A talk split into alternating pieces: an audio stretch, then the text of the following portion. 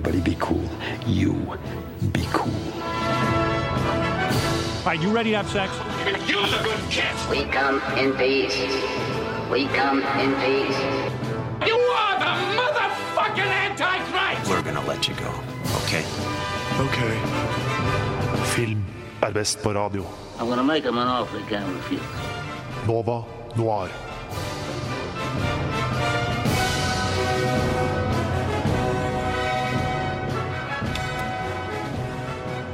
Hjertelig velkommen til Nova Noir denne kjølige torsdagsmorgenen her i uh, Oslo.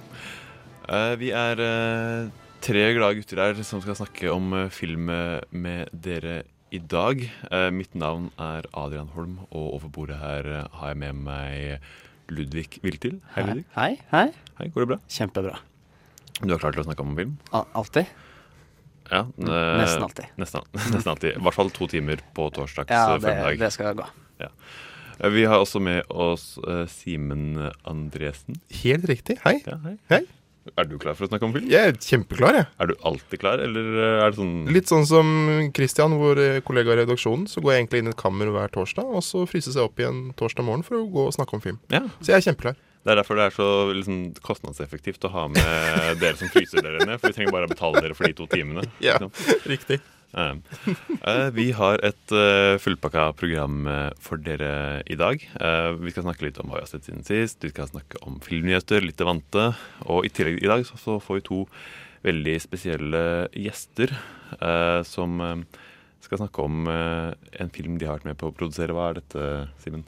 Ja, Vi får eh, regissøren og skuespilleren fra, fra filmen 'Drib', som eh, Mm. kommer nå på kino på fredag.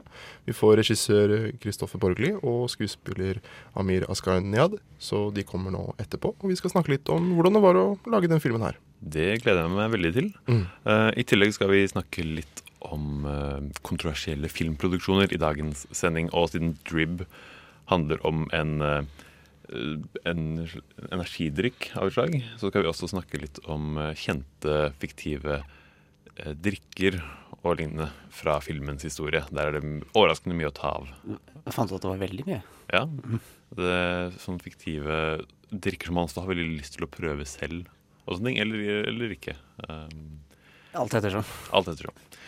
Uh, Så sett deg ned og spenn på setebeltene deres, for dette blir en heidundrende sending. Men først så hører vi eh, 'Talk to the Church' av Gaussian Curve. Talk to the Church av eh, Gaussian Curve. Um, nå skal vi snakke litt om uh, hva vi har sett siden uh, sist, som er en fast spalte her i Nå Noir. Og Ludvig, hva er det du har sett siden sist? Uh, jeg har sett 'Silence of the Lambs' for kanskje Oi. sjette eller sjuende gang. Ja. Ja. Uh, for i sånn stress, sånn à la eksamen og jobb, så klarer jeg ikke helt å sette meg inn i nye ting. Så da ser jeg heller ting jeg har sett før, som en slags sånn beroligende ting. Og da velger du å slappe av med Ja, Silence of. Så, så, sånn er jeg. Det, kanskje burde få en psykolog inn en gang. Ja, det Men, tror jeg kanskje. ja. Eh, men det jeg fant ut, eller det jeg ble litt skuffet over, var at jeg plutselig likte den litt mindre enn jeg har gjort før. Og det kan hende, jeg vet ikke hvorfor det, kanskje fordi jeg har sett den mange ganger, eller fordi jeg ble mindre skremt av Hannibal Lecter som jeg har blitt før, da. Som kanskje er liksom den beste tingen med filmen. Uh, hvor godt han har spilt, og bare at han er en kul karakter. Eh, så nå tror jeg må kanskje vente litt med å se den igjen. Kanskje jeg rett og slett har oversett den for mange ganger. Så det var en litt rar opplevelse, da. Var, var det lenge siden du så den sist? Eh, to og et halvt år, tre, okay, kanskje. Det var såpass, ja. Ok. Ja. Men Tror du at det kan ha noe med å gjøre at du har sett eh, Anthony Hopkins, som da spiller Hannibal, uh, i roller etter det, liksom? Og du er liksom er klar over at Og han var jo i Westworld og sånne ting. Og, uh, nei, jeg, jeg, pleier ikke, ikke tenke sånn på skuespillere. Uh, hvis det er det, så er det i så fall i underbevisstheten min. Men filmen er fortsatt fantastisk, da. Og det er liksom sånn uh, er satt og Det var egentlig bare for å oppsummere uken, fordi jeg merker også at uh, når jeg får se lite film en uke, så går det negativt inn på livet mitt. Å, Det har liksom blitt en slags sånn narkotika for meg å se film. Mm. Er det sånn meditasjon, eller? Uh, At det du kan, får være alt, det kan være, det slappe av og alt. puste ut. Ja. Ja. Og igjen, jeg har valgt å bruke eh, nattsvermeren som det. ja. Så, sånn er jeg, da. Men hvordan er dere, da? Eh, Jeg har sett ganske mye film i det siste, faktisk. For jeg har- har blitt ferdig med eksamener og sånne ting. eh, deilig. Ganske tidlig. Uh, Så jeg har sett mye på kino, men kanskje det som har gjort mest inntrykk på meg, har vært uh, The Leftovers. Denne HBO-serien som jeg har binget, som det så fint eh, heter, uh, de siste par ukene. Den franske eller den amerikanske? Oh, nei, nei ikke, ikke, The Rev ikke The Revenants. Mm -hmm. uh, jeg mener The Leftovers, som er denne serien hvor premisset er at 2% av verdens befolkning forsvinner fra jordens overflate. Eller Ja. har den også en Jeg trodde det. Det kan godt være at jeg blander, men ja. Jeg, Ja, jeg trodde det. Ja, den er i hvert fall eh, veldig god, eh, og litt mer sånn um, Du vet ikke helt hvor den skal. Den har ikke noen sånn veldig klar pl eh, klare plottlinjer, på en måte. Den um, handler mer om hvordan liksom, folk uh, håndterer det at uh, så mange personer plutselig bare forsvant en dag. Da. Og det, du får aldri en forklaring på hvorfor de forsvant og sånne ting. Um, men eh, nett, så i går kveld så, så jeg ferdig sesongpremieren på sesong to, og det blir jo egentlig bare bedre og bedre. Og er liksom ordentlig um, kvalitetsserie som er litt sånn uh, Går under radaren hos de fleste, virker det som. Men uh, veldig sånn kritikerost og et sånn veldig godt tilskudd til HBO-rekken. Sånn er ikke uh, bra nok markedsført, syns du? Um, jeg tror ikke at den har et så stort marked. Liksom at, at den hadde tjent veldig mye på sånn eksplosiv markedsføring. på en måte. Nei. Men det, det er en sånn ting nylig som uh, en artikkel jeg leste, uh, hvor sånne HBO, Netflix og sånne ting, de tjener veldig godt på å ha mindre serier som uh, blir veldig kritikeros, men ikke blir, som blir sett så mye. Fordi det skaffer veldig mange abonnenter til tjenestene deres som ikke ellers ville uh, abonnert. da. Tiltrekker seg hipstere, kanskje? Eh, Kanskje det, og liksom rykte på seg at eh, du har mange kvalitetsserier i, i kanalen deres. og sånne Dette ting. virker som har blitt en sånn måte å markedsføre TV-serier på, hvert fall. At det blir sånn word of mouth istedenfor reklamer og Mm. plakater. Så det er interessant. da. Det betyr at vi styrer mer, kanskje. Nei, jeg vet ikke. Nå syns jeg bare, men eh, Eh, Jeg liker i hvert fall veldig godt at eh, liksom mindre gode serier eh, kan eh, tjene liksom disse store selskapene like mye som de ehm, store blockbuster-seriene som Game of Thrones og absolutt litt som indie-filmen gjorde for filmindustrien. Ikke sant? Og sånn sett er det kanskje litt fint at den finner et hjem da, på en strømmetjeneste. Så folk kommer dit for de store, flotte megaseriene også. Men fy flate, det var jo en fantastisk rørende serie. Ikke sant? Og The Leftovers er absolutt en sånn serie som dere bør se. se. Men Simen, hva har du sett? Eh, siden sist så har jeg, jeg har sett en del, jeg òg. Men det jeg har lyst til å trekke ut, er at jeg har sett filmen 'Reprise' av Joakim Trier for første gang. Jeg så Oslo 31. august for en stund siden. Altså Det er jo filmen Joakim Trier lagde etter 'Reprise'. Og den filmen er nok en av mine favorittfilmer, sånn uansett. Den, Ja, den traff meg på et riktig tidspunkt, rett og slett. Um, så for meg så var jeg litt, litt nervøs når jeg skulle se reprise. Hva, jeg håper at det er en like god opplevelse. Og jeg likte den. Du likte, Jeg likte den. Den er preget av at den er laget for en stund siden. Ja. Det begynner å bli en stund siden, i hvert fall Mm. starten av 2000-tallet. Eh, så mye av tematikken og, og Det virker nesten som et sånn eh, et snapshot av tiden, hvis man kan si det på godt norsk. Skjønner. Uh, ja, for det er jo Mange ser på det som veldig tematisk beslekta med Oslo 31. august. Da. Mm. Og stilistisk lik og sånne ting. Uh, men du følte ikke at den hadde helt opp? Ikke, nei, ikke i forhold til Oslo 31. august. Det er kanskje det at jeg trives veldig godt med filmer som har et, eh, ja, ja, en, en litt tydeligere dramaturgi. da. Ja. Mens dette er jo en mer modernistisk film hvor det kanskje ikke er så forventet at man skal kunne gå ut av kinosalen og føle en slags tilfredsstillelse. For det følte jeg ikke. Jeg følte ikke at det var en sånn eh, klar oppsummering. Mm. Det gjorde jeg ikke. Jeg føler at filmene hans generelt, eller de tre han har lagd, at du skal ha det enten litt vondt eller litt tenkende når du går ut av salen. ja. Ja, og det, det klarte han definitivt. Ja. Det er kanskje det jeg likte best med Oslo 31. Han klarer å finne liksom psyken, psyken hos menn på, på hans egen alder. Tror jeg han er veldig flink til å ja. Det tror jeg òg. For karakteren hans blir jo eldre òg, samme han. Mm, mm. Og akkurat det at de ofte er skapende, at de har en slik sånn trang da, til å kunne oppnå noe mer. Ja, altså alle litt kunstneriske personligheter og Mm. sånne ting. Ja. Takk for oppdateringen, gutter. Vi kjører på med neste låt. Dette er Frank Moody og Into Deep. Det var Frank Moody med Into Deep, og nå skal vi over til ukens filmnyheter.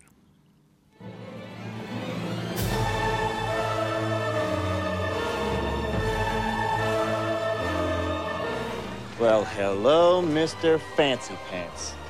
I got news for you, pal. You ain't leading but two things right now Jack and shit. And Jack left town.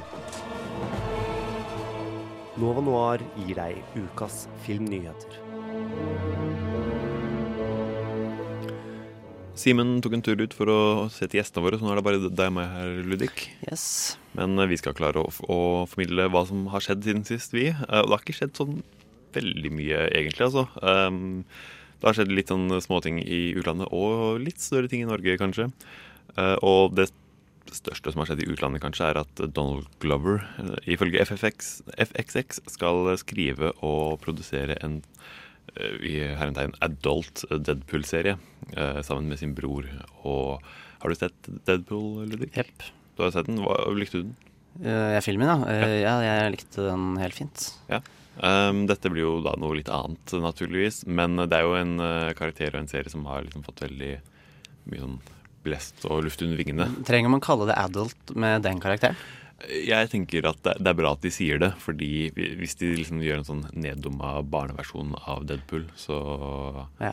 uh, Da hadde det i hvert fall vært et dårlig tegn. Så det at de erkjenner at dette blir en Ja, voksenserie for jeg, vet ikke om det finnes engang. Ja, sånn uh, Det barneversjon. fins faktisk uh, en sånn Spiderman-serie som jeg så på Cartoon Network, som lillebroren min satt og så på, eller noe sånt. Og der var Deadpool med. Og det var faktisk en kjempegøy episode. Og de gjorde det liksom kjempemorsomt, selv om det var liksom barnevennlig. Men han Deadpool var sånn skikkelig brøyten fjerde veggen og var ganske morsom, da. Um, så det er kanskje mulig, men um, jeg er veldig glad for at uh, Det som gjør meg spent på det her, er jo at Donald Glover er bak det. Han har jo vært i Han community. er, han er og- veldig sigende. Ja, veldig. Atlanta fikk jo Musikken går bra, TV går bra, og nå er det animasjon, da. Ja, eh, så han eh, er veldig spennende å følge med på i disse dager. Er det han som skal være Han er showrunner, og jeg vet ikke, eh, det sto ikke om han skulle spille Deadpool. Så det vet jeg ikke, men han skulle ha alt annet ansvar. Han skulle produsere, skrive og være showrunner, liksom. Så det er liksom hans prosjekt. Ja, virker kjempefan, han òg. Nei, han, det virker som alle som vil ha noe med Deadpool å gjøre, er veldig fan Ja, selv. ja. Sånn som Ryan Reynolds. Er, Ja, han gjør alt der òg. Ja. Bortsett fra regissere, tror jeg. så nei, jeg syns det er eh, spennende. Eh, Men har du noen nyheter? Eh, ja, vi skal gå litt sånn halvveis politisk eh, til verks. Det gikk litt under radaren på vår side av verden, kanskje, men det har vært valg i Sør-Korea. Mm. Eh, og en litt mer liberal type har vunnet valget enn det som var før. Ja, og, de kontroversielle har hatt uh, liksom tøylene der ganske lenge nå. Ja, de har det. Uh, og det har gått utover uh, kulturelle uh, personligheter der. Fordi jeg visste ikke før i går, faktisk, men det er faktisk så mange som 9000 mennesker som jobber i kulturlivet i Sør-Korea, som er fullstendig svartelistet. Så de har ikke noe jobb. Ja. Uh, og det første tiltaket han her gjorde på kulturfronten, uh, Moon Jae-in, jeg vet ikke om jeg uttalte det riktig, er å avliste alle disse her, da. Så de kan få jobb igjen. Eh, og mange av de jobber i filmbransjen. Det er jo Eh, kjempegode nyheter. Ja, det er det. Kjempegode nyheter. Spesielt med tanke på at Sør-Korea har jo en fantastisk filmindustri. Det var derfor jeg valgte å dra frem denne nyheten, fordi det er et land jeg holder nært og kjært sånn filmmessig, og har gjort det lenge. Eh, så jeg gleder meg til å se at flere kommer på banen, da. Eh, og det var noen sånne rare greier om at uh, lokalvalgte folk òg, sånne ordførere og sånn, har sittet som sjefer på filmfestivaler og vært jurysjefer og sånn. Og det er litt sånn Ja, det er ikke, det er ikke rent mel i posen der, rett og slett. altså. Men dette var nei, kjempeflott. Eh, Park Chan-wook er jo aktuell i disse dager med 'Kammerpiken'. Og det er bare en av som jeg faktisk så for ikke så lenge siden. Kjempebra film. Og hans eh, Oldboy og Vengeance-trilogi og sånne ting eh, er bare Altså, toppen av isberget Det det. eh, på all den gode filmen som finnes i Sør-Korea. Så dette var eh, gode nyheter. Um, jeg vil også nevne at um, Nordisk film- og TV-fond har gitt masse midler til eh, en rekke filmer, inkludert Uh, eh, Katrina Laurings 'Battle', en, eh, som har fått 1,7 millioner, som er en serie som henter inspirasjon fra bl.a. Dirty Dancing, og skal være en ungdomsserie. Så jeg syns det var en spennende Norsk Dirty Dancing ungdomsserie. Ja, det, det vil jeg si. Jeg bare føler jeg må se første episode. ja, Bare, først- bare ut av nysgjerrighet. Ja, det, jeg tipper at jeg ikke er i målgruppa, avhengig av hvordan, hvordan de definerer ungdomsserie. Men um, det høres ut som uh, noe som uh, jeg må se første episode av, i hvert fall. Uh, ja, absolutt. Eller blir det en ny Skam, kanskje? Eh, kanskje det rett og slett er en motereaksjon. Når Skam liksom er- prøver å være sånn sosialrealistisk, Ja. så kjører vi full Dirty Dancing denne gangen. Ja, det er, kan, kan bare håpe. Jeg vil ha en eh, all out Dirty Dancing-aktig serie. Vi løper Um, rundt og synger og Ja. Det hadde vært kjempegøy. Um, men som sagt så hadde det ikke skjedd sånn voldsomt mye, så jeg tror vi bare hopper videre til neste låt. Etterpå skal vi høre et intervju med folkene bak eh, Drib. Men først Collapse Under the Empire og The Last Reminder. Det var Collapse Under the Empire av, og The Last Reminder. Og eh, nå har vi fått eh, besøk eh, her i studio av to filmskapere, rett og slett. Kristoffer Borgli og Amir Asgarnejad, var det riktig? Det var riktig, ja. Det var det? Det går bra, det. Ja, absolutt. Så bra. Um, Eh, Dere har eh, vært med på å lage filmen uh, Drib. Og uh, først og fremst, hva er dette for en film? Skal jeg Gjerne det. Hvor, la, hvor lang tid har jeg? Du, ta, ta så lang tid du føler for. Ok. det er en film som uh, Som gjenskaper en sann historie. Uh, som Amir gikk gjennom i 2014 etter en slags internvits vi satte i gang hvor uh, vi skulle prøve å få Amir kjent uh, på nettet ved å lage um, voldsvideoer. Um, og den vitsen ble liksom større og større da um, BBC plutselig hooket tak i oss, og det ble nyhetssaker i USA, og plutselig var det et reklamebyrå i Los Angeles som skulle promotere en energidrikk på en litt sånn kul, hipp, ung, ny, viral måte, og hyret da inn Amir. Uh, flydde han til LA, og um, så gikk hele, etter hvert, hele mm, prosjektet eh, ganske i vasken. Uh, og den historien har vi nå gjenskapt som en uh, rekonstruksjon. Og så har dere også da lansert på å si, merke. Blir, er- blir det et merke? Er det et drikkemerke? Er det Ja, altså, uh, for forklare konseptet? For å forklare Drib, da, så er det um, Når vi skulle lage um, filmen, så var det noen juridiske utfordringer, fordi det handler om eh, ekte mennesker og ekte merkevarer. Og der er det mange regler som Juridiske regler i USA, eller kanskje i hele verden, som beskytter eh, merkevarer. Eh, og Amir har skrevet under på en kontrakt, så da fant vi ut at vi måtte lage vår egen energidrikk som en slags sensur for det virkelige merket. Men så ble det en eh, eh, Det ble litt sånn eh, Vi gikk litt langt med å gikk litt lenger enn å bare skape en sensur. Så vi skapte det brandet med egne reklamefilmer og en uh, motekolleksjon, og nå har vi en egen butikk. Mm. Og eh, nå begynner vi å lure på hva som egentlig hva. Ja, for etter at jeg så den filmen her om dagen, så fikk jeg inntrykk av at det her har vokst mye større enn til å være skal vi si, kun en film. Ja. At, eh, at I hvert fall basert på de tidligere prosjektene som jeg har sett at du har gjort. da. Mm. Eh, egentlig både for både deg, Kristoffer, og deg, Amir. Mm. At det har vært eh, prosjekter som er kanskje skapt for å lage oppmerksomhet.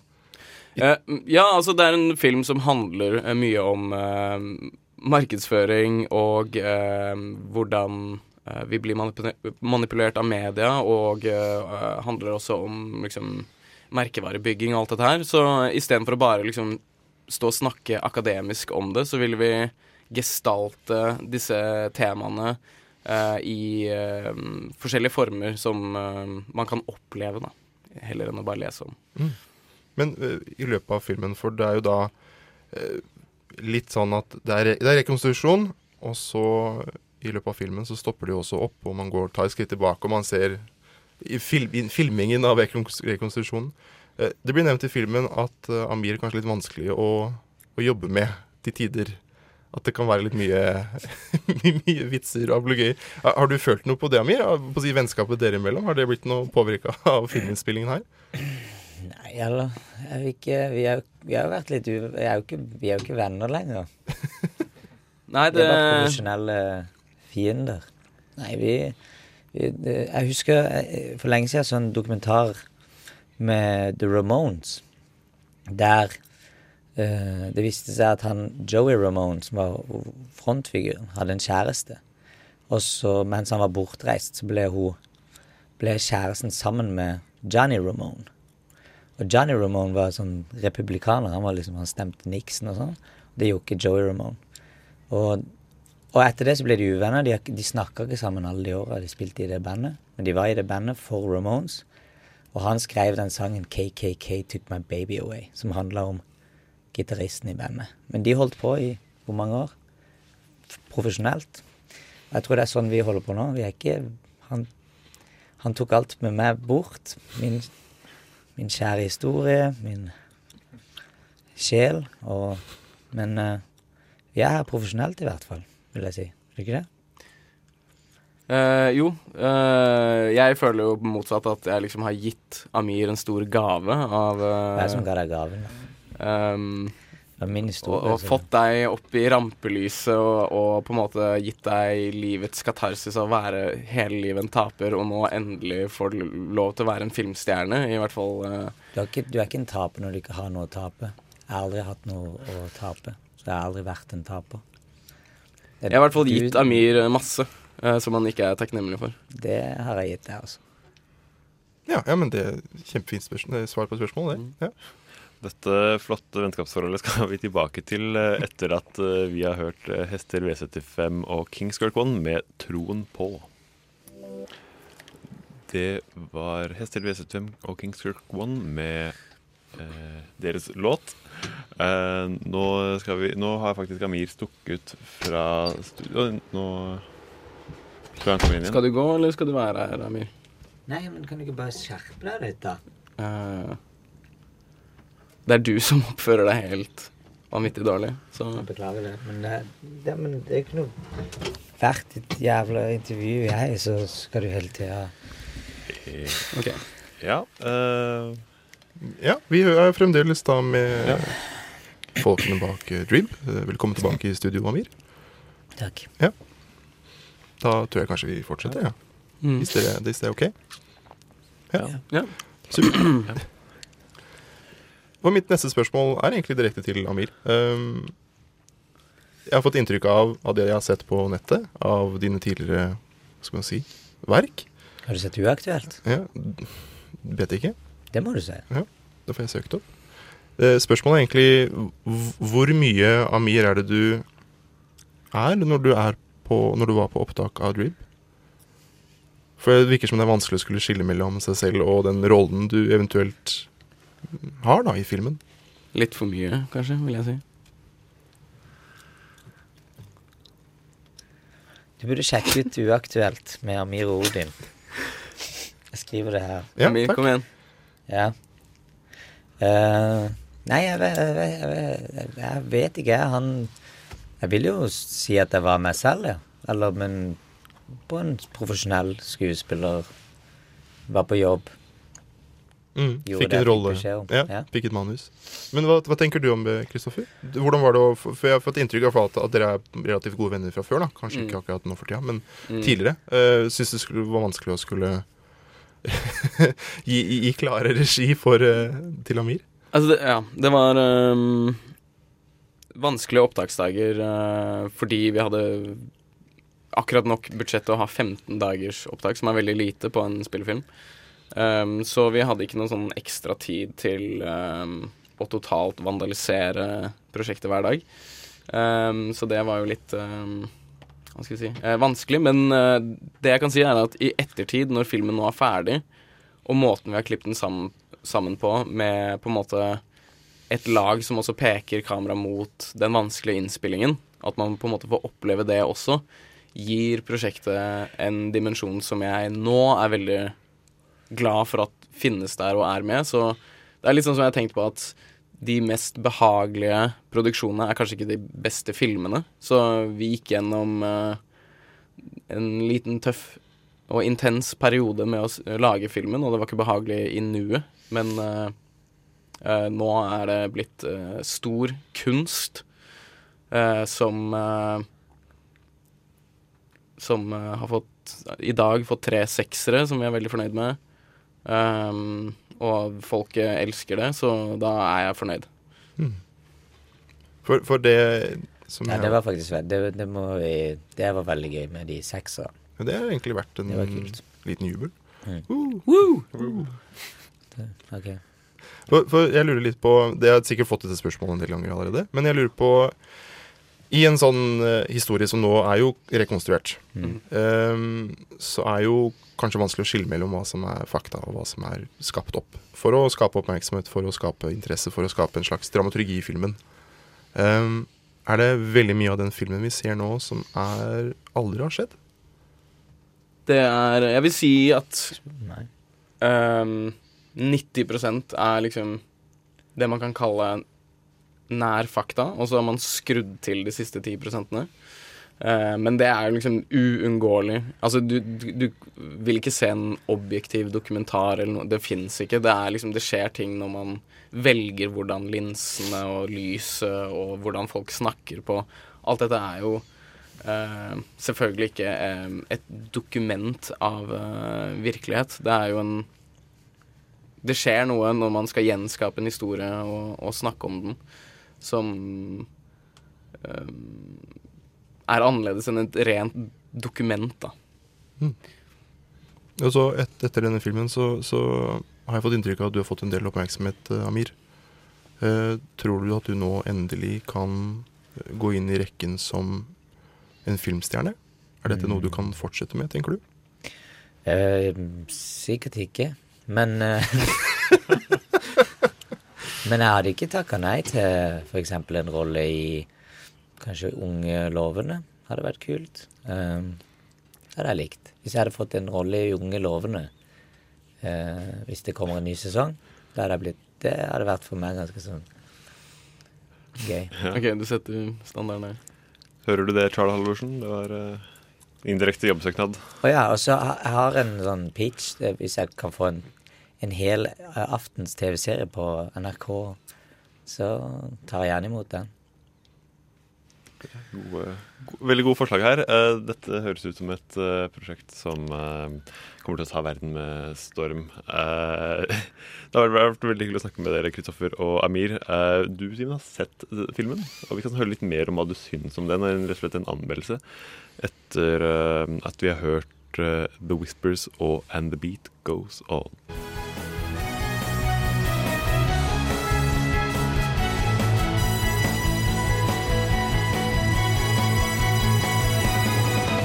Nova Noir presenterer ukas kinopremierer. Det gjør vi, og det er kun én film som skal uh, anmeldes uh, denne uken. Uh, det er Drib, som du har sett, Simen. Det er Drib, ja. Ja. Skaperen som nettopp var her nå i studio. Ja, det er et rimelig Et veldig interessant intervju var Veldig gøy. Var filmen like interessant? Hva, hva han, ja. Filmen handler kort om uh, rekonstruksjonen av hendelsene som skjedde i 2014, da Amir ble in eh, invitert til USA for å være representant for et energidrikkselskap. There you go, Amir, look at me. I really want to see as though you're really squeezing him, squeezing that little head off his body. Amir Ashgarnejad. This is potentially criminal behavior. Amir Nejad. So it'll be real, real early. We're just going to show you how to how to punch on camera, make it look real.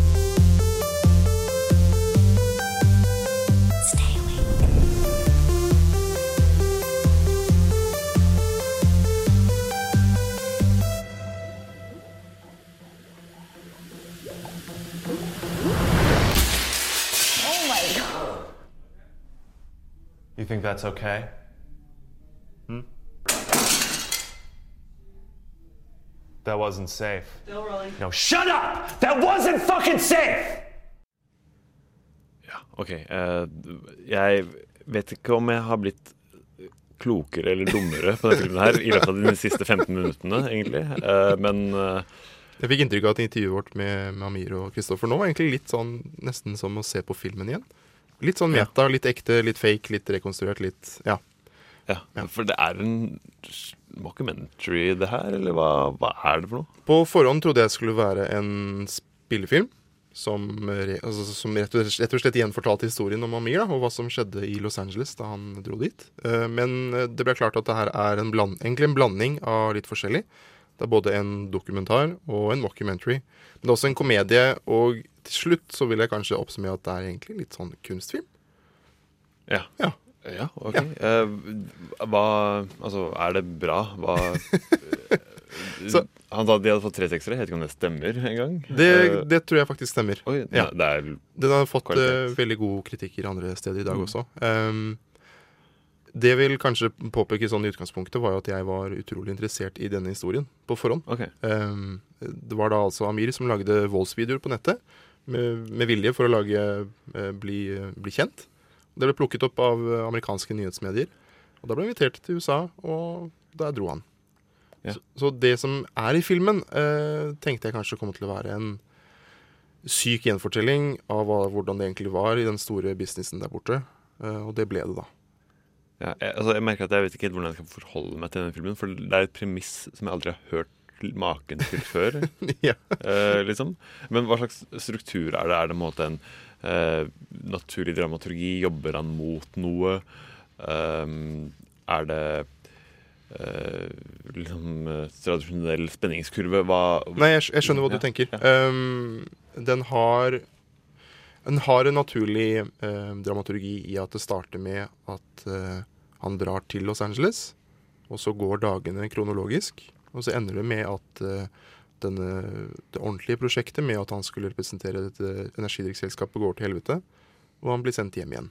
Det er det som har blitt fortalt på forhånd, og det er også det som skjer. Men dramaturgisk sett så er det ingen Hva skal man si? Ehm, det er ingen åpenbar eh, konflikt. Det er ikke en setup og en payoff. Man har allerede på forhånd fått høre hvordan det går med historien. Det er ingen spenningskurve sånn sett. Så det er mye observasjon av hva som skjer. Uh, og det er kanskje det som jeg hadde vanskeligheter med å skulle uh, anmelde det som en uh, anførselstegn vanlig film i etterkant. ja, Men så i uttrykket så virker det som en dokumentar. I uttrykket så virker det som en dokumentar, ja. Mm. men eh, ordet meta er nesten det som dukker opp eh, veldig ofte. For eh, de filmer, og så plutselig sier noen kutt. Og så ser man kamerateamet som filmer Amir, som spiller Amir som var i 2014. Og så ser man plutselig regissør Kristoffer Borgli som kjefter på Amir fordi han ikke gjør det han skal gjøre. Og så slenger Amir med eh, det er vel en dør eller en energidrikkboks. Han knuser en dør, og en av de andre skuespillerne klikker på ordentlig. Og det med filmen. Det er litt sånn, Den krysser eh, den fjerde veggen og liksom barrierer veldig ofte. Så man blir Det er derfor kanskje det at det ikke er en spenningsgruve, gjør egentlig ikke så mye. Fordi man sitter der og man opplever nye ting nesten hele tiden som overrasker deg. Det høres nesten ut som det er en femte vegg her. Uh, så jeg vet ikke. Ja, indre, ytre. Men det høres ut som du liker det her. Ja, jeg gjør det. Um, I utgangspunktet så gikk jeg ut av kinosalen og følte meg veldig forvirret. Hvordan skal jeg forholde meg til den filmen her? Jeg syns jo nesten det er vanskelig å Det, det virker litt sånn spaltet personlighet, da, i at den har så mange mulige måter å fortelles på. Um, men ja, i utgangspunktet så likte jeg den veldig godt. Ja. Uh, har du noen konkluderende tanker, en karakter kanskje du har lyst til å Så det jeg kanskje Det jeg kanskje liker best med den filmen her, er vel måten den portretterer hvordan den syke reklameverdenen i et så stort selskap kan være. Men så har det også gitt meg mye at i etterkant så har jeg jo tenkt på at de har jo gått fullt inn for å lansere Drib som et reelt merke.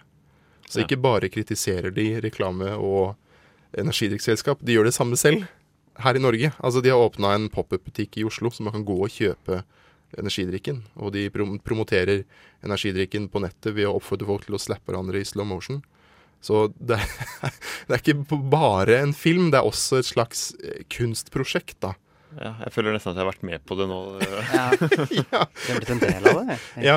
For vanligvis for meg så er det en film man går inn, ser den, du sluker den og tenker at det var en bra, dårlig, fint. Mens Mm. her så har det liksom omringet meg de siste dagene, siden jeg har tenkt over det. Og det er det få filmer som gjør. Så selv om jeg ble forvirra av selve filmen, så syns jeg hele konseptet Drib har vært veldig spennende å følge med på. Så for meg så er det her en åtte av ti. Åtte av ti til Drib. Dette ja, Jeg vet som sagt ikke helt hva jeg skal tenke, men det at du sier åtte av ti, gjør at jeg føler at jeg må gå og se den. Jeg skal også det. Ja. Mm. Bare etter å ha møtt de, de For den er litt larger than life. Det syns jeg faktisk. Og jeg syns det er I fare for å høres sånn klisjé ut, så syns jeg det er sjelden man får oppleve noe sånt uh, på norsk kino. Ja. Og jeg syns det har vært veldig forfriskende. Ja, Det høres ut som et uh, veldig unikt prosjekt som du sier, for uh, spesielt norsk eh, kino, så dette må vi definitivt eh, få med oss. Um, tusen takk, Simen. Eh, nå skal vi høre Offset og Monday. På Nova Noir så liker vi all slags type film, spesielt norsk film. All norsk film er best film. Send en norsk film til oss, gi den ti av ti.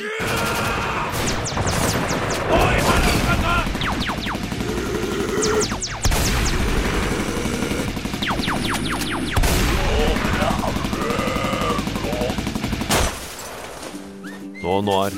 Vi liker fortsatt ikke kommersiell bullshit.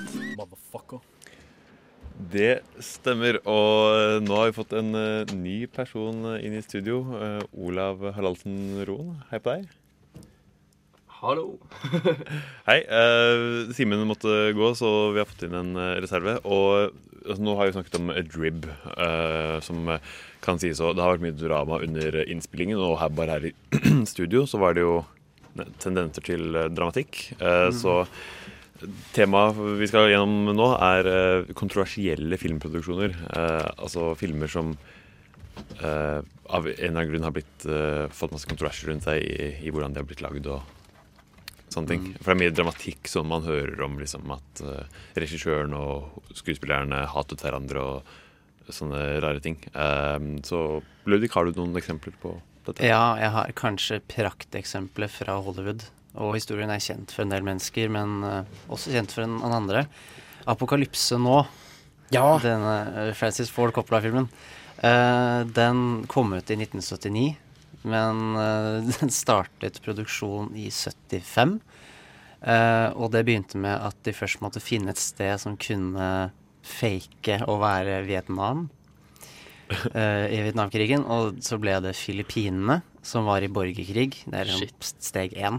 Uh, eh, Francis Ford Coppola holdt på å dø gjennom produksjonen. Gjennom, uh, og hovedskuespilleren hans fikk hjerteinfarkt ute i jungelen på et tidspunkt. Lawrence Fishburne, som hadde en av sine debutroller, løy om rollen sin der. Du måtte egentlig være over 18, men han var 15 eller 16. Eh, og så her er det, siden vi snakker om kontroversielle filmproduksjoner, her er det jo faktisk kontroversielt direkte i produksjonen. Det er ikke noe rundt som har gjort det Mm. Ja, det er, man skal lide for kunsten. det. Produksjonen av denne filmen her er loggført i filmen 'Heart of Darkness'. Som en, som en, som en eller annen bakmann i filmen. Riktig. Mm. Men apropos det du sier da med mm, kall det kontroverset i det rammeverket, da, eller i hvert fall produksjonen i seg selv, eh, så er det jo mange forskjellige måter å være kontroversiell på. Det er jo f.eks. når du går inn og som du sier, da, å ha problemer med f.eks. skuespillere, men også rent sånne praktiske valg til eh, innspillingsperioden. Men det går jo også an det kanskje mest kjente som folk kanskje tenker mest på, som er på en måte innholdet i seg sjøl. F.eks. at det kan framstå blasfemisk, at det kan eh, ja, har mye nakenhet, mye sånn eksplisitt vold, eh, rasisme og på måte kanskje komme andre type meningsbærende utsagn som kanskje er litt sånn ufine, da. Eh, det syns jeg er morsomt, da, um, er jo at akkurat det med å pushe envelopen for hva som på en måte er innafor, eller hva som er greit å ta opp på filmmedia, er noe som kontinuerlig gjøres. For eksempel nå så går jo Raw på kino, og den er jo skal visst skal visst være veldig, veldig drøy. Det er jo kannibalisme og litt sånn småjævlig. Jeg har ikke sett noen. Har du noen av dere sett Roy nå? Uh, Nei, eh, det eneste den minner meg om, er denne Cannibal Holocaust-filmen. Ja, som ja. er jo på en måte den, en av de første liksom, virkelig sånn eh, filmene som ble sånn superkontroversielle. Folk Har- trodde at det var en snøff-film. Har noen av dere sett den? Nei. Jeg har, jeg har sett den. Den har du sett? Ja. Okay. Uh, og det er Jeg syns det bare er ekkelt. Jeg syns det kommer til et punkt hvor det virker som nå, skal jeg ikke, nå vet jeg ikke for mye om han som lagde den, om han bare er litt eks, eh, Litt rar, rett og slett, eller ville lage noe, eller ville være kontroversiell. Ja. Men eh, akkurat der syns jeg det blir litt sånn mye, og det virker som han gjør det bare for å gjøre det, da. Men det kan også ha en positiv effekt på hva vi syns er greit.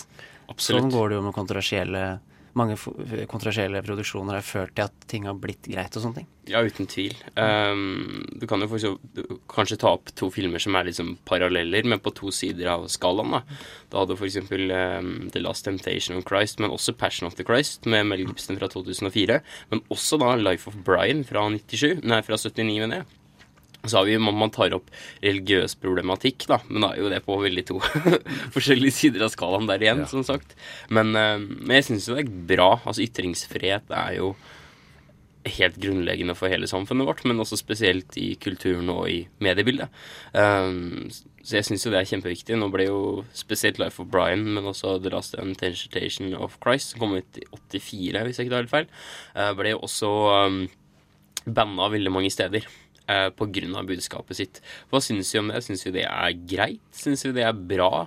At liksom at uh, Eller er det ja. Selvsagt ikke. Det var eh, jo også nesten komisk at Life of, Life of Brian ble bannlyst i Norge. Det var sånn, De reklamerte for det i Sverige med 'dette er filmen som var for morsom for Norge'. Ja, ikke sant? Eh, liksom.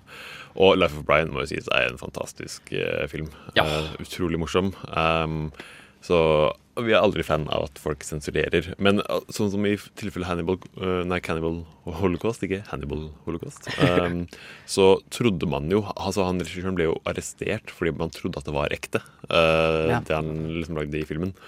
Uh, og det var jo ikke det. uh, tror jeg. Nei, håper ikke det. så, så, så, lenge, lenge du ikke skader mennesker uh, eller dyr uh, sånn på så bør det være uproblematisk. Men, men så må du også, um, når det kommer til sånn rent grafiske ting, så jeg er veldig enig med når det kommer til det rent me- meningsbærende. F.eks. med rasistiske, sexistiske eller ellers fiendtlige utsagn, så burde det være noen filter. Eh, eksempel med et kroneksempel på det her, med A Birth of a Nation fra 1915, altså den Mm. eh, nesten ka- kalla sivilisasjonsskapende filmen, eh, var jo i sin samtid veldig veldig feil i forhold til sin samtid. Men samtidig så var det veldig sånn la grunnlaget da for hvordan mange amerikanere så seg selv og så sitt land. Og det var jo litt småproblematisk med tanke på at denne filmen eh, viser jo til en horde med Ku Klux Klan-riddere, holdt jeg på å si, som the good guys, som undertrykker svarte mennesker, da. Og det, og det er jo ikke så bra. Ja, den, er jo også Det er mye diskusjoner rundt den filmen. Fordi eh, det er snakk om at han regissøren mente jo ikke at den skulle være rasistisk, men handle om dem. Og så utviklet seg til å bli noe sånn For han fulgte jo opp med denne filmen 'Intolerance', som handler om uh, Som ser ned på folk som eh, er utolerante. Mm. Om han prøvde å veie opp for hva han gjorde året før, eller Det er ikke helt klart, men uh, Men den filmen er Ja, hvor kan man lage liksom Sette sånne hovedpersoner i et godt lys, da? Altså for å vise et poeng. For Kuklux Klan, det skjedde jo, på en måte. Ja, men samtidig så var jo ikke Kuklux Klan et veldig stort eller kjent fenomen før. Nei, Birth of a. Nation. Det er det som også gjør det enda Ja, mer den, problematisk. da, den, ska, at- den skada mye. Ja, veldig. Det var jo en, um, en usedvanlig god PR-kampanje for akkurat den uh, instansen der. Og det er jo skremmende. Ja, så det er lett å liksom Når vi tenker på Life of eh, Brian og sånne ting, så er det lett å si at eh, det burde så klart få eksistere. Men når man tenker på den andre skalaen, eh, den uh, altså mer autoritære uh, høyrevridde filmer, mens Left Life of Brian er mer sånn venstrevridd, så- så er vi litt sånn skeptiske igjen, kanskje. Uh, når det går imot våre egne Ja, nå må det jo Nå må det kanskje understrekes at uh, vi er jo relativt uh, ja, som du sier da, ja. på den siden av skalaen. Ikke spesielt eh, mye religiøse forestillinger ute og går her. Men eh, det er lov. Men man må jo også være obs på sine egne biaser. Men, eh, men jeg veit ikke, jeg. Uansett så eh, så må man også se utgangspunktet for hvorfor noe, noe er sagt. Life of Brian er jo selvfølgelig satire, men det er jo primært ment som underholdning. Det er jo ikke krass kritikk, vil jeg påstå. Det er jo tullete, liksom. Veldig morsomt. Men. Det fins både morsomme og liksom mer alvorlige eh, eksempler på sånn kontroversielle filmproduksjoner. Eh, og jeg tror vi skal snakke om litt flere av de etter at vi har hørt Blink 182 og Misery. Blink 182 og Misery, dette er en låt du eh, likte, Olav? Ja, eh, sånn, eh, sånn i utgangspunktet så er jo ska, som det heter, som er sjangeren i dette tilfellet, en, en sjanger som jeg har litt sånn anstrengt forhold til. Men jeg tenkte å ta den frem litt som et eksempel på at eh, hvis man blir eksponert for noe som man kanskje ikke liker over en lengre tidsperiode, så kan man jo finne kanskje et par ting da, som man kanskje liker, og man kan forandre litt meninger. Og det syns jeg egentlig er en god ting å kunne ta opp når vi snakker om kontroversielle filmer. At uh, det er ikke så feil å bli- på en måte høre på eller se på ting som kanskje er litt kjipt eller vondt. Da kan det bære frukter etter hvert. Ikke sant? Men jeg har faktisk et eksempel her, apropos kontroversielle filmproduksjoner, på liksom, tilfeller hvor det kanskje ikke er så eh, greit. Uh, det, som skjer, liksom, det som er kontroversielt, da, fordi har dere hørt om A Dog's Purpose? Ja, Ringer det riktig. Det, var en film som, det er jo veldig nylig kontrovers, men i 2017, så i år, altså, så ble det sluppet den, denne filmen, A Purpose, og i produksjonen av den så var det en sånn scene hvor eh, en hund holder på å drukne eller noe sånt, Mm. og det kommer liksom bilder fra produksjonen eh, hvor det viser seg at liksom, de hadde en hund i vann som liksom virkelig ikke likte seg, da. Som var liksom skikkelig stressa fordi de holdt hunden liksom nesten under vann og sånne ting. Og filmen hadde, hun hadde skikkelig panikk og sånne ting. Og det fikk jo et, enormt backlash. Og, sånn, og mange sånne dyrevelferdsorganisasjoner som mente at dette ikke var greit. Uh, Syns vi også det? Vi har vært innom det før her, faktisk. Før filmen kom ut. Så da var det mye litt mer synsing, da, men nå har vi faktisk bevisene på bordet her. Mm. Og jeg sier det samme som jeg sa da, at det er jo, det er jo ikke greit. Nei. fordi dette er eh, Altså, det, det burde vært opplagt, men menneskelige skuespillere velger jo sånne ting selv. Og liksom bli holdt under vann og sånne ting. Men dyr har liksom ikke den makten når vi gjør det. Dyr er ikke i den samme båsen som vi er når det kommer til filmproduksjon. Eller veldig mange andre aspekter i livet òg, da, så klart. Det er ikke den bikkja som har skrevet under kontrakten sin sjøl, for å si det på den måten. Og da, det er ikke greit, altså. Man, man kan jo på en måte ta det som et hypotetisk scenario hvis det hadde vært et menneske som skulle halvdruknes, men som hadde gått med på det sjøl, så hadde det kanskje vært ok. Men eh, det har ikke vært noe Ja. Bikkja har ikke bestemt det sjøl. jeg syns det er litt jævlig. Sånt skal faen ikke skje. Eh, unnskyld språket. Men en, eh, for, for kanskje ta det opp med ting som kanskje er litt mer lystig, i hvert fall veldig finurlig, så er det jo også kontroverser som går på litt med sånn juridiske ting, da. Som for eksempel når det kommer til drib, så er det jo ja, kontroverser som kanskje ikke har så Har jo selvfølgelig med hva som er på filmen, men også mm, ting som skjer på en måte i kulissene bak, da, med andre instanser og diverse. Og eh, kjenner dere til en film som heter eh, Batman eller The Dark Knight? Har du hørt om den filmen? før? Den er obskur kunstfilm, men jeg har hørt om den. Ja, ja, riktig. Eh, når den kom ut, da, denne Christopher Nolan eh, regisserte mm, filmen, en del av den Batman-trilogien, eh, så var det pokker meg en eh, borgermester i Tyrkia for, som saksøkte Nolan. Men hvorfor, mine venner? Jo, det er fordi han er borgermester i en by i Tyrkia som heter Batman. og, og derfor saksøkte han Nolan, for han tenkte For han hadde jo Nolan hadde ikke spurt borgermesteren om det var OK å bruke navnet Batman. Nei. Så da ville han ha da 50% av all inntekten til Dark Knight. Oh, ja. uh, På grunn av det. Han mente også at uh, etter at filmen hadde kommet ut, så hadde både mord og selvmord økt i betraktelig grad på grunn av denne filmen. Og han kan også legge til at um, at eh, Hva skal man si At han ikke hadde spurt om originalene for verken den, spillene eller de andre filmene. Det er da en pågående kamp, faktisk, som, eh, om, eh, om penger til det her. Det er fortsatt ikke løst, men jeg kan jo ikke se for meg at det skjer noe der. Altså, dette, dette høres ut som kontrovers møter et Family Guy-plott. Ja, det er ikke så langt Eh. Sånn, eh, det høres litt absurd ut. Eh, også, men jeg skjønner, har du lest om noe? Har han noe Han virker liksom ordentlig ordentlig sur på dette her. Han, han tuller ikke. Jeg tenker, du kan, du kan gjøre deg veldig sur over ting hvis du tenker at du har mulighet for å få 50% av inntektene til en Batman-film eh, som belønning for å være sur. Eh, så det motiverer Så så venta han jo nesten Hvor gammel er Batman? Altså 80 år eller noe sånt? Da venta han jo 70 år, da. På Og så syns jeg det er veldig, veldig merkelig at uh, han ikke har saksøkt for ja, som du sier da, Ja. for tegneseriene eller for spillene eller tidligere filmer. Men først når Dark Knight kommer, da liksom, da skjer det. Da skjer det. Han måtte bli valgt først, vet du, som borger- borgermester. Han bare, dette er et langt eh, plott. Han bare valgte inn akkurat den byen, kom egentlig langveis fra, og bare 'Jeg skal saksøke noen'. liksom. Eh, Men det minner meg faktisk også om eh, en annen veldig kontroversiell filmproduksjon, som er eh, eh, Borat. Ja. For den har jo vært den er kontroversiell på veldig mange måter. Blant annet det at Kasakhstan føler seg veldig eh, tråkka på, holdt jeg på å si, av filmen. Fordi For det første så filmer de aldri i Kasakhstan, de filmer i Romania. Eh, og Borat eh, går jo rundt i denne landsbyen og sier at dette er Kasakhstan, og det er ikke det. Og til og med de folka i den landsbyen, altså, de vet ikke egentlig hva de har vært med på. Og når han sier at eh, denne, han fyren her er eh, eh, lands, landsbypedofilen eller noe sånt, så har ikke han vært det, og sånne ting. Eh, så det er jo en, et eksempel på en film som veldig bevisst har liksom løyet til eh, folk involvert. Jeg syns uh, Borat, produksjonen av Borat er en god representant på hvor ytringsfrihet møter etikk. Mm. Ja. Når det handler om, For han har jo lov til å lage dette her, men når han bruker mennesker som ikke vet at de er med, så finner, er vi på et gjerde et eller annet sted. Et sånn etisk eh, ja. Hvordan å bruke mennesker i filmer. Eh, ja, er dette her egentlig lov å gjøre det? Og ikke fortelle dem hva de er med på? Nei. Nei, ikke Det er ikke egentlig, lov, tror jeg. Men uh, altså, det er jo Altså, han eh, tok jo også mange folk i USA og sånne ting, og de har jo saksøkt han, uh, naturligvis, holdt jeg på å si.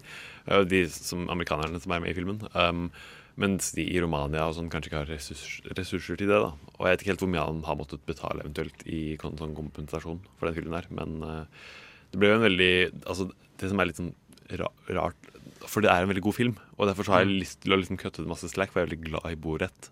Borat. jeg syns den er kjempemorsom. Ikke sant? Uh, Og da har jeg ikke lyst til at liksom, filmen skal få alle disse klagene, anklagene mot seg. Og da er det liksom biasen min som begynner å melde seg, da. Men eh, ja, det er jo egentlig ikke etisk greit, det han har gjort. Sånn sett. Jeg syns kanskje vi liker han så godt fordi vi ikke ble rammet av Sasha Ja. Baron Cohens eh, streker. Nettopp. Ja, det har mye med det å gjøre, altså. Men uh, jeg syns det å ha en sånn grunnleggende ytringsfrihet både for filmmedier, men også for uh, ja, resten av mediebildet og kulturen, er kjempeviktig. Men det må jo være noen etiske grunnlinjer alle, som, alle må forholde seg til. Um, når det kommer til hvordan man får behandle andre mennesker uh, i filmen. Um, men sånn ellers for det, så syns jeg det meste skal kunne tas opp. Så Borat var morsom, men ikke gjør det igjen, Sasha Baron Cohen. um, nå skal vi høre Ayel og Issues. Det var Ayel med Issues. Det er en del av A-lista her på Radio Nova. Hvis du vil høre mer A-liste eller B-liste for den del musikk, så gå inn på radionova.no, så finner du mer god, ny musikk der. Eh, vår reporter Tage Rivas Tollefsen hadde mange spørsmål om eh, ja, musikere som spiller i film, og oppsøkte derfor en ekspert.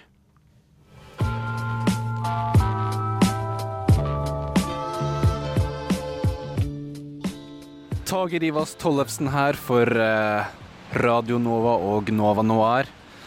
Nå er jeg på vei til et hus oppe på Romsås, fordi jeg har vært på Facebook i en eh, filmgruppe. Og der sto det eh, at det var et hus, eller en som eier et hus. Og han har visstnok en helt sjuk filmsamling, og han har helt vilt peiling.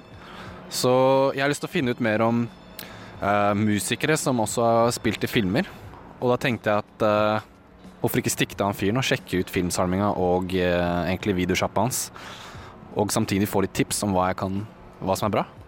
Så det er jeg på vei til nå.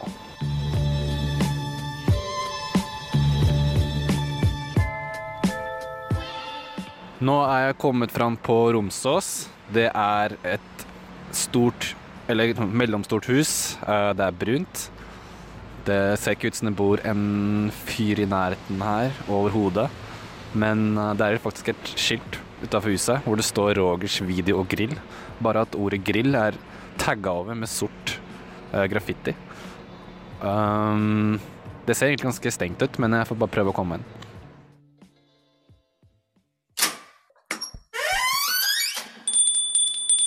Hallo? Å, fy faen, det lukter. Ja, J-horror, S-horror, K-pop-horror Ja, fader. Ja? Hallo? Er det noen her? Ja, jeg heter Tage, jeg er fra Radio Nova. Radio Nova? Er det folk som er på radio fortsatt? Ja, ja, det er studentradioen uh, i Oslo. Studentradio, ja. Ja, ja. Var student en gang. Ja, Bortkasta tid, egentlig, men eh, samme av det. Liker heller å se på film, jeg. Ja, vi er, eh, jeg er fra filmprogrammet i Radio Nova. Nova Noir. Noir, ja. Ja, det er bra sjanger. Bra sjanger. Jeg liker det. Uh, mye bra derfra. I før i tida, da. Men hva kan jeg hjelpe deg med, da? Du fra Radio Nova? Nei, jeg driver og lager en sak om uh, musikere som uh, har gått over til skuespill. Så lurte jeg egentlig på om du hadde noen anbefalinger innenfor den sjangeren der. Musikere som har gått over til skuespill, ja. ja det var et jævla bredt spørsmål. Uh, det er jo masse subkategorier innenfor den sjangeren der. Det er jo Altså, du har liksom Disney Kids-skuespillerne, og så har du ja, bare rapp i seg selv er det jo dritmange. Du har jo Will Smith, Ice Cube, Ice-T, Method Man, Eminem, 50 Cent, Ludacris, Tupac. Han han var, han var flink. LL Cool J, ja. og så Mark Wahlberg. Visste du det? Mark Wahlberg, han var rapper, han. Lille Marky Mark. Ja, Method Man han er flink i The Wire. Um, The Wire er faen meg overvurdert. ja. Men jeg tenkte mer på de musikerne som har best fått til å gått over til skuespill. da. Om du kunne anbefale noe innafor det der? Ja, men de jeg syns er best, ja, la meg tenke. Altså, hvis vi går baki her, bli med litt. Du har jo, hvis du ser til høyre her, så har vi jo kvinnelige uh, sangere som har gått over til skuespill. Der har vi for eksempel Bjørk. Bjørk ja, spilte i Dancer in the Dark. Jeg vant jo beste skuespillerinne på Cannes i 2000. Det er Lars von Trier-film. Er før han begynte å Det var før han begynte å caste Shia LaBeouf for å vise pikken sin, for å si det sånn. Ok, Bjørk, ja. Ja, Bjørk, og så har du David Bowie, Labyrint og The Prestige. Prestige er for, for eksempel en uh, jævla bra film. Uh, den digger jeg. Og så er det ja, skal vi se, Frank Sinatra. Da går jo litt mer old school, da. Var jo med masse filmer, han. Han er jo mest kjent for å synge, egentlig. Så har du jo selvfølgelig Madonna. Altså, hvem er det som kan glemme Evita, Don't Cry For Me Argentina osv.? Og så har vi jo litt mer den der popsjangeren som jeg snakka om. Da er det jo Justin Timberlake, som har spilt i mye forskjellig. Blant annet uh, The, The Social Network. Spilte han der Klysa. Ja, den var bra. Jeg vet den var bra, jeg trenger ikke å drive med å bekrefte alt jeg sier. Alt. Jeg vet den er bra. Men uh, så har du jo også Tom Waits. Tom Waits han har spilt i jævlig mye forskjellig. Uh, Down by Law. Han er faktisk med i Twelve Monkeys. Twelve Monkeys har du sett? Ja, Twelve Monkeys, det er bra. Uh, Brad Pitt og Brad Pitt og sånn, ikke sant? Brad Pitt og sånn. Ja, Brad Pitt. Og så må du ikke glemme Bruce Willis, da. Herregud, det er han som har hovedrollen i den filmen der. Ja, ja, ja stemmer. Men uh, hvis du skulle lage en liste over kanskje de tre beste, de som har fått det til best, hvilke ville du ha nevnt da? Skal jeg nevne tre beste? Er det jeg som skal gjøre den saken her for deg, eller? Ok, men hør nå. Jeg vil si Will Smith. Han har blitt Ingen husker at han var musiker lenger, så det vil jeg si er en, eh, en suksess i seg sjæl. Så har du Bowie. Han har kanskje laga de beste filmene, spør du meg. Og så har du Mark Wahlberg. Ingen, ingen husker Marky Mark lenger, så de tre vil jeg si at det er, er, er de tre beste. Ok, men eh, kan jeg låne en film fra hver av de, eller? Eller går det bra? Ja, går bra, går bra. Det går vel bra, det. Uh, skal vi se Will Smith, skal du få Independence Day. Den er fin. Litt action. Så er det Bowie med Labyrint. Det er klassiker. Og så fra Mark Wahlberg skal du få The Departed. Han ble jo Oscar-nominert for denne filmen der. Han, han er jævlig Tenk, å det. Tenk å få bli Oscar-nominert for å banne og skrike dritt. Det, er- det, det er imponerende. Ok, um, hvordan, hva, hvor mye penger blir det? Penger? Det er ikke, det er ikke penger her, vet du. Det du skal gjøre nå, det er skal gjøre meg en tjeneste. ok, hva er den, hva er den tjenesten da? Tjenesten er at vi skal utspille min favorittscene fra, fra Pulp Fiction. Og det er Gimpen. Når Gimpen slipper løs og tror han skal gjøre ting med Bruce Willis, men så slipper Bruce Willis løs. Ser du den gimpedrakta der borte? Den skal du ta på deg, gutt. Uh, jeg vet ikke helt om jeg er med på det, altså. altså jeg liker den scenen og sånn, men det, det blir litt for rart for meg, egentlig. Vi kjenner hverandre ikke engang. Og vi kjenner hverandre ikke, nei. Det er, er det som er problemet. Ja, Da får vi se på litt film sammen. da. Hvilken vil du se på? Jeg har mange. jeg har Skrekk, action, thriller. jeg- Det er samme for meg, liksom. Vi kan se på hva som helst. Det er, det er jo ikke så jævlig mye ofte at jeg får besøk, så det er bare å se på hva som helst. Nei, jeg vet du, jeg, jeg, jeg, tror jeg kanskje jeg ombestemt meg, det går egentlig ganske greit uh, når jeg tenker meg om. Å, du kaller selv en filmbuff og takker nei til Netflix and chill? Det er, det er ikke mye filmbuff, det, ass. Det skal, jeg, det skal jeg skrive inn til det programmet ditt eh, som jeg hører på. Ja, ok, greit da, men eh, vi bare setter på en film, bare, bare ta den øverste du har der. Ja, se der, ja. Nå, nå snakker vi. Men uh, du har flaks, for den filmen som du pekte på, det er faktisk uh, Crossroads. Og vet du hvem som spiller i den? Britney Spears. Ja, der er Britney bitch. Kom nå, så skal vi se på film. Åh, gleder meg til å ta det gimpegreiene etterpå, ass. Vil! Vil! Vil! Venner lyver ikke.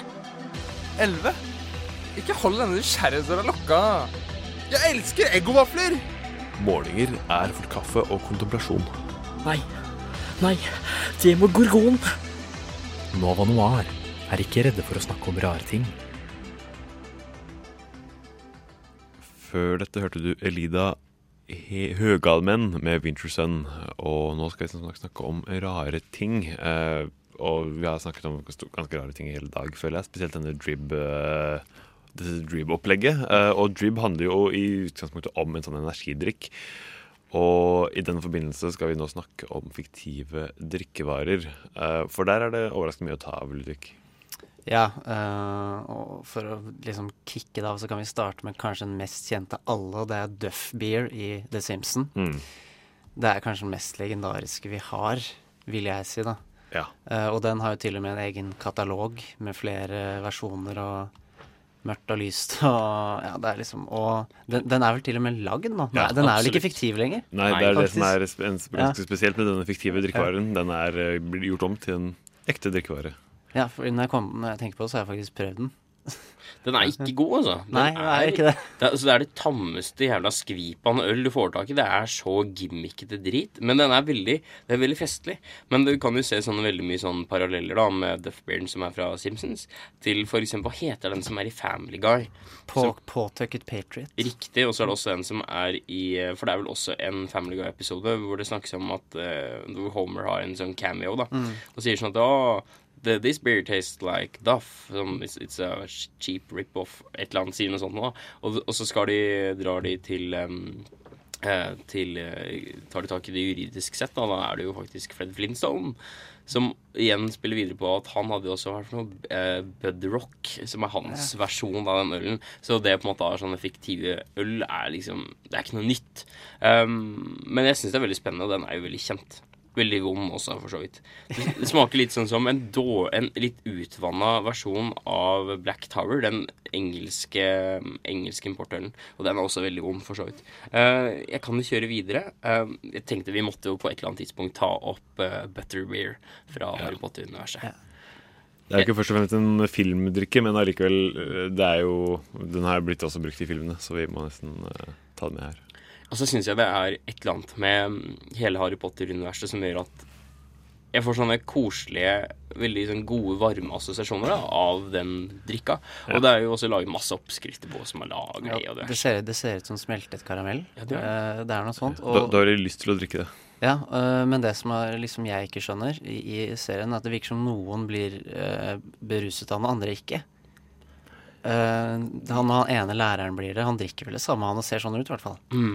Ja, eh, men det, det er vel kanskje litt sånn at um, Det er magi, jeg vet det. Man Ja. trenger liksom ikke å overanalysere, men uh, Du har jo også for eksempel um, whiskyen i Harry Potter som heter Fire Whisky, så det er jo liksom mange forskjellige typer alcoholic beverages i Harry Potter-universet.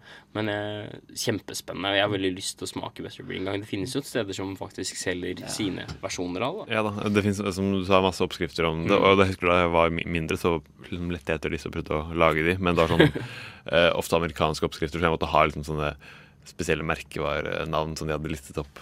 Liksom, så jeg fikk aldri lagd det. Uh, men jeg har hørt litt sånn litt vekslende fra folk som har drukket det her og der. Uh, men det avhenger jo 100% av hvilken oppskrift du velger å følge, fordi det finnes ikke noe off- offisiell Nei, det ble, oppskrift. Rowling lagde ikke en egen.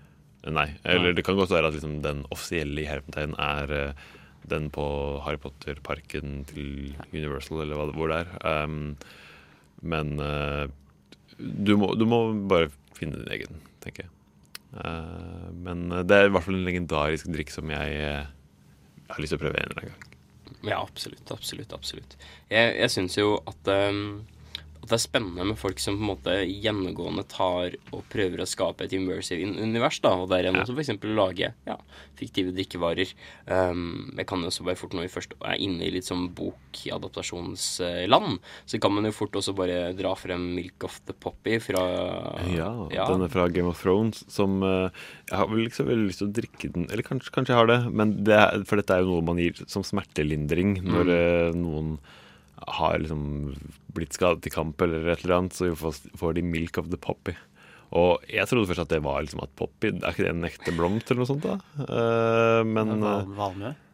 Ja, Ja. ja så, så du kan du få Milk of the Poppy i virkeligheten? Nei, Funker det? det, det har jeg også lurt på, men aldri søkt opp gjennom årene. Selv om jeg bare har hørt navnet hele tiden. Ja, jeg har sett noen uh, videoer på det store intervjuet uh, om nettopp Milk of the Poppy, og det er vel snakk om at det er noen At det, det er jo noe um, virkestoffer der. Uh, det var vel snakk om at det var noe um, Ikke noen hallusinogener, men litt Det er jo litt i den gata også.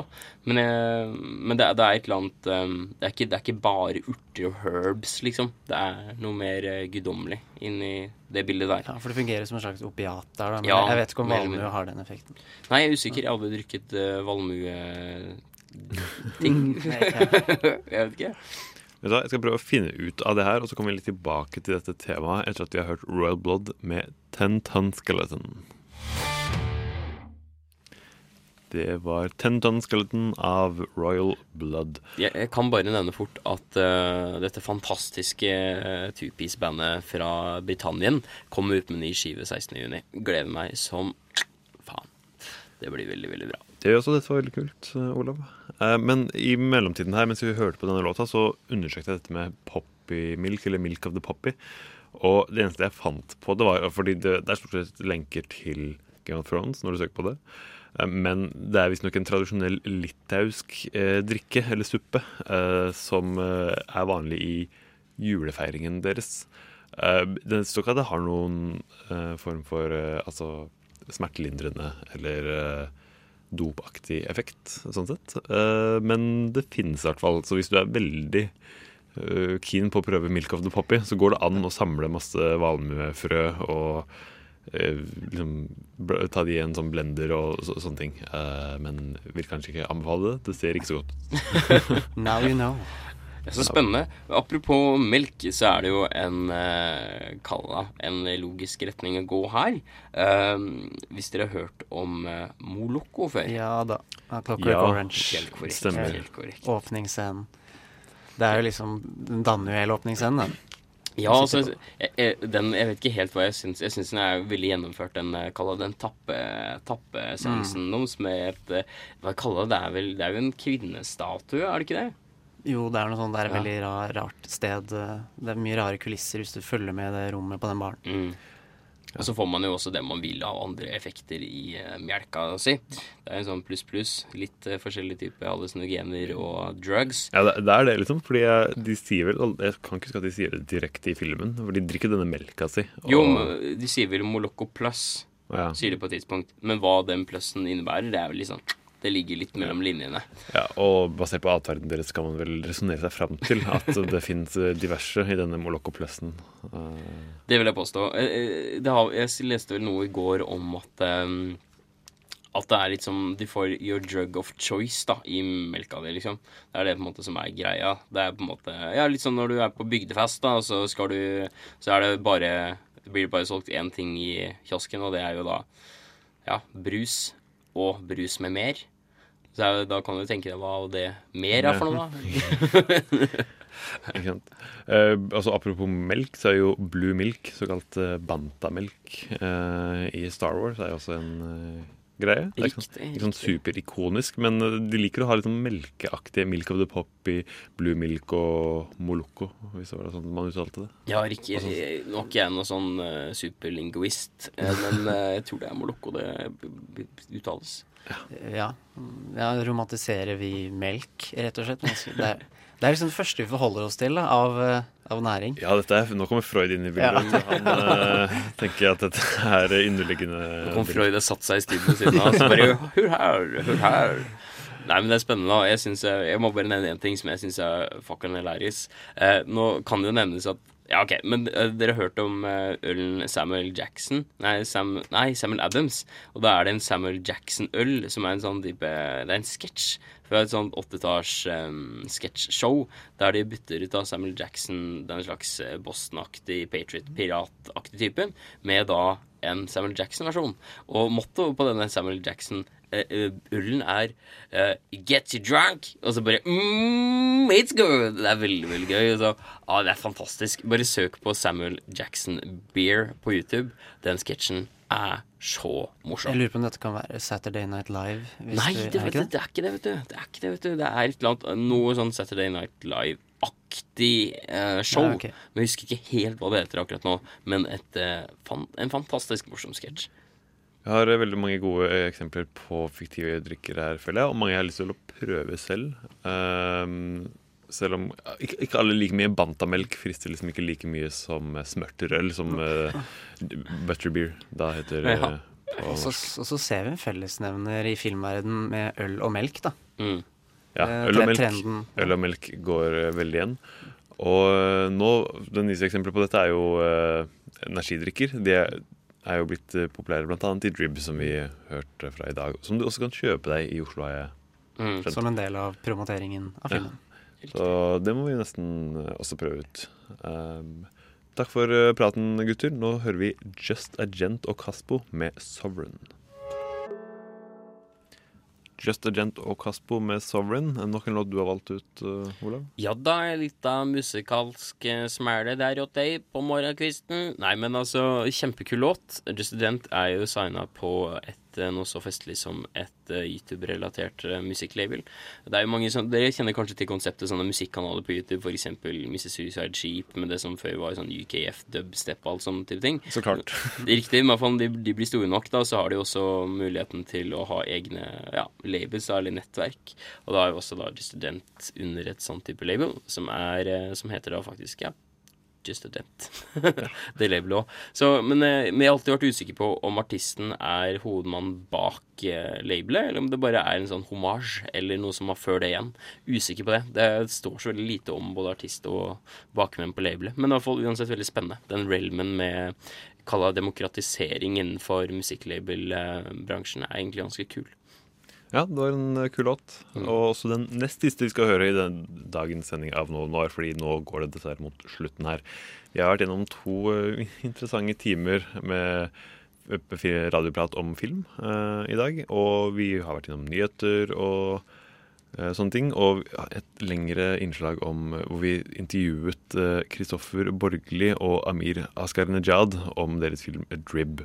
Vi hadde da også Simen Andresen eh, innom, som anmeldte filmen. Ga den åtte av ti, var veldig fornøyd med den. Så hvis du har lyst til å se en uh, interessant ute av boksen norsk film denne helgen, så eh, sjekk, sjekk ut Drib, da. Uh, eller hva, Ludvig? Ja, jeg skal se den, jeg. Ja, ikke sant? Jeg også. Um, ellers så har du uh, vært med her, Ludvig uh, Verdal Viltil og um, Olav Haraldsen Roen.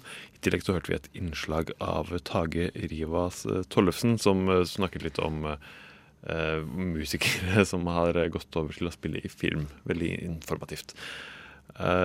Teknikeren i, vår i dag har vært Simon Lima, gjort en upåklagelig jobb, og mitt navn er Adrian Simen Holm. Da runder vi av med And You Will Know Us By The Trail Of med Festival Fime. What's your name, my dear? My name is Ula Inga Hansen Benson Jonsson Tollen Holland Svaden Swanson. Oh, wait, wait. What's your first name? That was my first name. You wanna hear my last name? We don't have the time. Nova Noir, helt enkelt. Ula sing and dance. Oh, yeah?